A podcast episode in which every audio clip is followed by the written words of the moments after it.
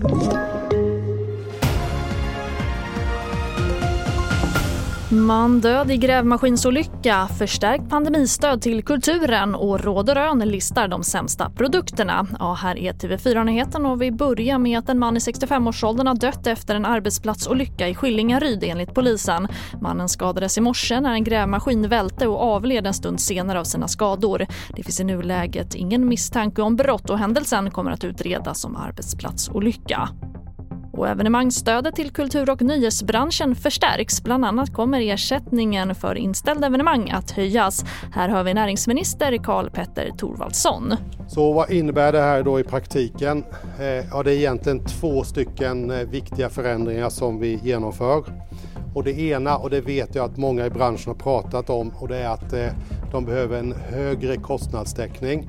Så därför så höjer vi eh, stödandelen från 70 till 90 procent av kostnaderna. Men också att eh, eftersom stödperioden har förlängts så finns det också ett behov att höja maxbeloppet. Eh, och eh, det då lägger vi på den nivån som är den högsta som EU-kommissionens regelverk möjliggör och det är då 22,5 miljoner kronor. Och detta meddelades på en pressträff i morse och mer kring den kan du se på tv4.se. Och vi avslutar med att Råd och Rön har släppt sin lista över årets sämsta produkter och där finns bland annat mögligt jordnötssmör, kylskåp som inte kyler och spirulina som inte håller måttet. Och där finns också varor som marknadsförs som hållbara men som inte är det, som till exempel tvättnötter.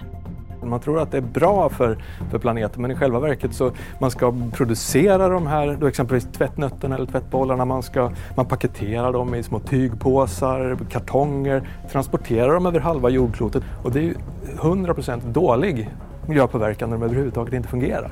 Och det sa Daniel Kjellberg, chefredaktör på Råd och Rön. Och ett längre inslag kring det här kan du se på tv4.se där du också kan hitta fler nyheter. I studion nu, Charlotte Hemgren.